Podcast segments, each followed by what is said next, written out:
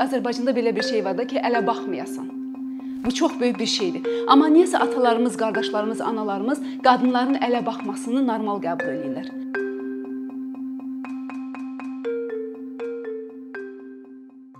Gender bərabərliyindən danışacağıq, düzdür, amma daha çox gender bərabərliyinin güc məsələsi, nüfuzu məsələsi olmağından danışacağıq. Doğrusu mən uzun müddət bu mövzu haqqında danışıram. Bu gün həmişə danışdığımdan daha cəsarətli danışacağam. Bu gün biraz daha bold olmağa çalışacağam. Cəsarəti hardan almışam? Yəni BMT-nin baş katibi Antonio Guterres-in bu yaxınlarda çıxışı var idi 8 martla bağlı və əslində fikir də ondan gəlmişdi ki, gender bərabərliyi dünyada güc məsələsidir gücün, nüfuzun kimdə olması məsələsidir. Onun sözlərindən desək, deyir ki, dünya kişilər tərəfindən kişilər üçün yaradılmışdır. Dünyadakı sosial, ekonomik və siyasi quruluş kişilər tərəfindən kişilər üçün yaradılmışdır.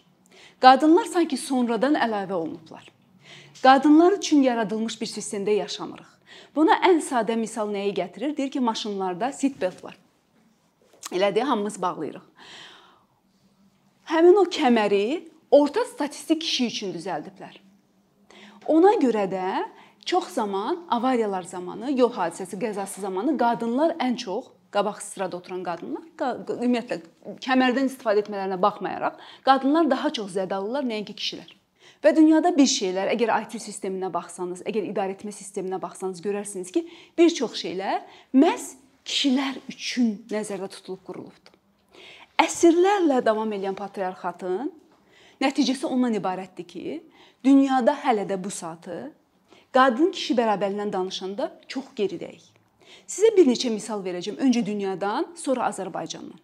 Dünyaya baxsaq görərik ki, qadınlarla kişinin equal pay məsələsi var da, hə, eyni işə, eyni qabiliyyəti, eyni bacarıqlı olan adamlara eyni işə verilən məvacibə baxanda Bizim qadınlarla kişilərin eyni iş üçün aldıqları məvacibin bərabərləşməsi üçün 247 il lazımdır dünyada. Bu indiki sürətimizlə getsək, gender bərabərliyi üzrə 247 ildən sonra bu bu planetdə qadınlarla kişilər eyni işə eyni maaş alacaqlar. Qadınlar il ərzində 140 milyard saat ödənişsiz işləyirlər. Bu ev işləridir, uşağa baxmaqdır, təmizləməkdir, həyətdə görülən işlərdir və bunlar ümumdaxili məhsulda heç cür öz əksini tapmır. Bu heç vaxt hesablanmır və bu heç vaxt öz əksini tapmır. Zorakılığa məruz qalana baxsaq, görərik ki, dünyada 3 qadından biri zorakılığa məruz qalıbdır. Zorakılıq xüsusi toxunmaq istəyirəm, çünki çox zaman deyirlər ki, kişilərə qarşı zorakılıq olmurmu? Olur. Amma say baxımından baxsaq, qadınlara qarşı say qat-qat çoxdur. Ona görə dünyada hələ də biz, hələ də qadınlar döyülür, hələ də onların imkanları əlindən alınır. Hələ də ailələrdə, çox zaman da ailələrdə partnyorları tərəfindən ya da əzizləri tərəfindən zorakılığa, fiziki zorakılıqdan gedirsə söhbət məruz qalırlar və yaxud iqtisadi zorakılığa məruz qalırlar və nə olur buna həm də uşaqlar şahid olurlar və bunun əziyyətini uşaqlar da çəkirlər həmin ailələrdə. Baxsaq siyasi iştirakçılığa, dünya parlamentlərini götürsək, bütün dünyanı götürsək, parlamentlərdə 3də 1-i qadındır. Qərar verməni götürsək, dünyadakı nazirləri götürsək, dövlət başçılarını götürsək, nazir müavinlərini götürsək, NASA-nı götürün, dünyanın hansı təşkilatını götürsüz götürün, yuxarı idarə etməsinə baxın. Hamısı kişilərdir. Bunun nəyi pisdir deyə bilərsiniz? Bunun nəyi pisdir? Pislik o tərəfdən gəlir ki, dünya 50-50 qadın kişidir və müqəddərat həll olunanda ancaq bir tərəfin səsi eşidilir. Bu sinif otağında həm qızlar, həm oğlanlar oturur, amma bunun dizaynın yalnız oğlanlar qərar verirsə. Əgər bir siyasi sistemdə həm qızlar, həm oğlanlar əziyyət çəkirlərsə, amma onun dizaynına yalnız kişilər qərar verir. Bir yeni produkt yaranırsa, maşın düzəldilir, ona seatbelt yaradılırsa və bunu kişilər üçün düzəldirlərsə, nə olur? Çox fərqli bir yanaşmanı itiririk çox önəmli bir yanaşmanı itiririk. Qadınların məsələyə münasibətini itiririk. Eyni zamanda qadınların gətirəcə biləcəyi, həmin məsələyə gətirə biləcəyi baxış açısını itiririk. Nədir? Ona görə də deyirik ki, dünya patriarxat üzərindən qurulub və hələ də belə davam edir və çox uzun bir yolumuz var getməyə. Hə, bir məsələni diqqətinizə çatdırmaq istəyirəm. Patriarxatı yalnız kişilər yaratmır. Patriarxatın ən böyük dayanıqlılığı qadınlardır. Dünyanın hər yerində və bu ölkədə.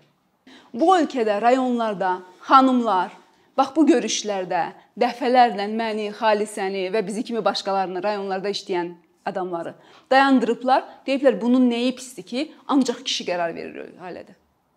Mənim oğlum hər şeyə qərar verməlidir. Mənim oğluma mənim qızım xidmət eləməlidir. Mənim gəlinim də mənim oğluma xidmət eləməlidir. Bunun nəyi pisdir?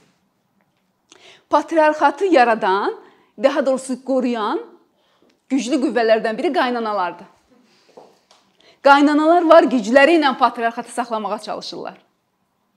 Yəni yalnız kişilərdən və oğlanlardan getmir söhbət patriarxat deyəndə. Patriarxatda qadınlar çox fəal iştirak edirlər.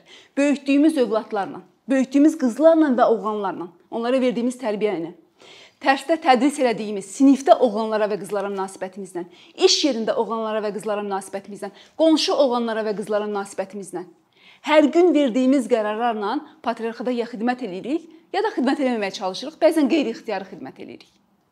Qayıtsaq bizim ölkəmizə, Azərbaycana, içəridə ekspertlər var. BMT-nin də var və başqa tərəfdən də var. Azərbaycandakı əsas məsələlər nədən ibarətdir? Bizim ölkəmizdə bu saatda ən çox danışılan məsələ selektiv abortlardır. Qadınlara qarşı, qızlara qarşı əsirlərlə formalaşan o münasibət ona gətirib çıxardıb ki, Azərbaycan ailələrində daha çox qızlar abort eləyirlər. Bu nəyə gətirir çıxardır? Oğlanların sayı artır. Normal standart əgər 105-106-dırsa, Azərbaycanda oğlanların qızlara nisbəti 114-dür. Bu nəyə gətirib çıxardacaq? Bu demoqrafik krizisə gətirib çıxardacaq. Bunun həm iqtisadi fəsadları var, həm mədəni fəsadları var. Bunun həm sülh sahəsində fəsadları var. Bir ölkədə qeyri-normal şəkildə oğlanların sayının artması. Bunun barədə biz təbliğata başlamışıq, danışırıq, hələ də danışırıq. Bu yaxınlarda fəaliyyət planı qəbul olundu Nazirlər Kabineti tərəfindən. Fəaliyyət planının həyata keçirilməsi özü çox böyük bir yoldur. Fəaliyyət planı üçün büdcə ayrılmalıdır və bu büdcədən bu məsələlərin həllinə bu gün yönəlməliyik ki, bəlkə 5 il sonra, 6 il sonra bir fenomeni biraz azalda bilək. Uzun müddətli nəticələrdir. Yəni Azərbaycan ailələri hələ də fikirləşirlər ki, oğlana üstünlük verirlər və seçəndə oğlanı seçirlər. Başqa bir məsələ nədir? Qadınlara qarşı zorakılıqdır. Çox zaman biz zorakılığın bir çox növlərini görmürük. Psixoloji zorakılığı qəzetlər, jurnallar yazmır, jurnalistlər yaymırlar. İqtisadi zorakılığı, qadın əyninə bir paltar almağı, saçına bir daraq almağın ki, hər gün onu istəmək var başqasından, hə? Ələ baxmaq. Hə? Çünki Azərbaycanda belə bir şey var da ki, ələ baxmayasan. Bu çox böyük bir şeydir. Amma niyəsə atalarımız, qardaşlarımız, analarımız qadınların ələ baxmasını normal qəbul eləyirlər. Bunun hər gün şəxsiyyəti alçaltdığını nəzərə almırlar. İnsan şəxsiyyətini, ləyə, şərəf ləyaqətini alçaltdığını unudurlar. Əgər bunu ömrün boyu eləyirsənsə, müəyyən müddət eləyə bilərsən, qısa vaxt eləyə bilərsən, tələbə olub eləyə bilərsən, gənc olub eləyə bilərsən. Amma böyük yetişkin bir adamın daimi ələ baxmasını normal qəbul eləyir bu cəmiyyət. İqtisadi zorakılıqdan da danışmırlar qəzetlər. Qəzetlər danışırlar çox zaman fiziki zorakılıqdan. Öldürüləndə, zorlananda qadınlar danışırlar. Və son zamanlar jurnalistimiz bu barədə daha çox yazmağa başlayıblar. Yəqin ona görə biz daha çox eşidirik. Azərbaycan cəmiyyətində qadınlara qarşı zorakılıq. Bunu hamınız bilirsiniz. Yəni bəzən olur ki, danırıq, denialda oluruq, amma çoxumuz bilirik. Ola bilməz ki, sizin də qonşunuz olmasın. Hələ ailəmizdə gördüklərimizi demirəm. Qonşu əri arvadı döyür, səsini siz eşidirsiniz, uşaq da ağlayır.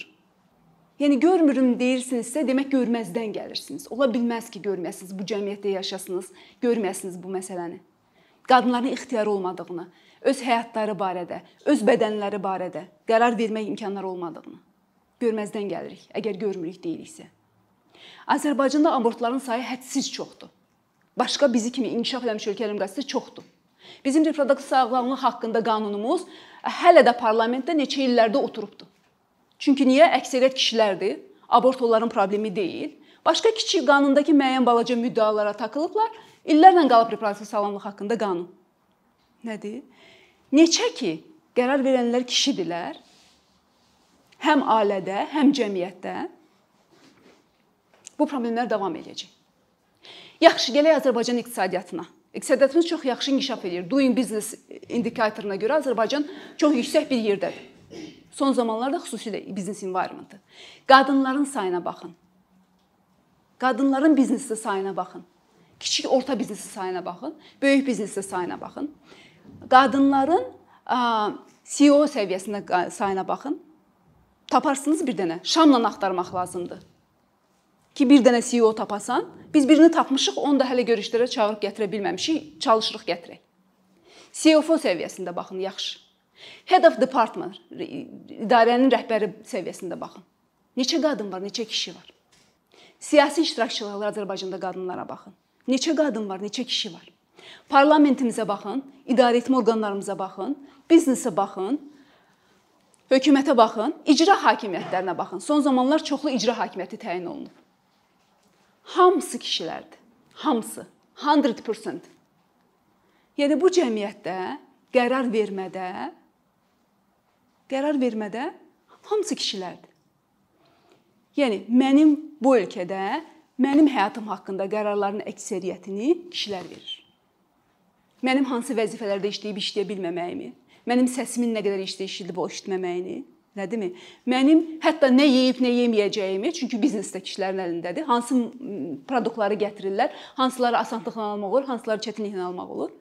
Mənim reproduktiv sağlamlığımı belə bu məmləkətdə kişilər qərar verir. Təkcə bu məmləkətdə deyil, dünyanın bir çox yerində. Yaxşı. Nə edə bilərik? Nə edə bilərik? Başlayaq iqtisadiyyatdan başlayaq. Qadınların iqtisadi gücünün artırılmasından başlayaq. Elədir? Başlaya bilərik siyasətdən başlayarıq. Qadınları təyin eləyərik. Bu yaxınlarda Goldman Sachs bir, bir, bir neçə ay bundan qabaq belə bir qərar verib ki, çıxartmayacaq o kompaniyalar ki, o şirkətlər ki, onlara IPO alamayacaq, o şirkətləri ki, onların bordunda bir dənə qadın yoxdur. İdarə etmə heyətində ən azı bir qadın olmalıdır. Hə, Goldman Sachs bunu humanitar səbəblərdənmi eləyir? İnanmıram. Əgər Goldman Sachs-ı tanıyırsınızsa, bilirsiniz ki, çox amansız, demək olar ki, vicdansız bir investordur.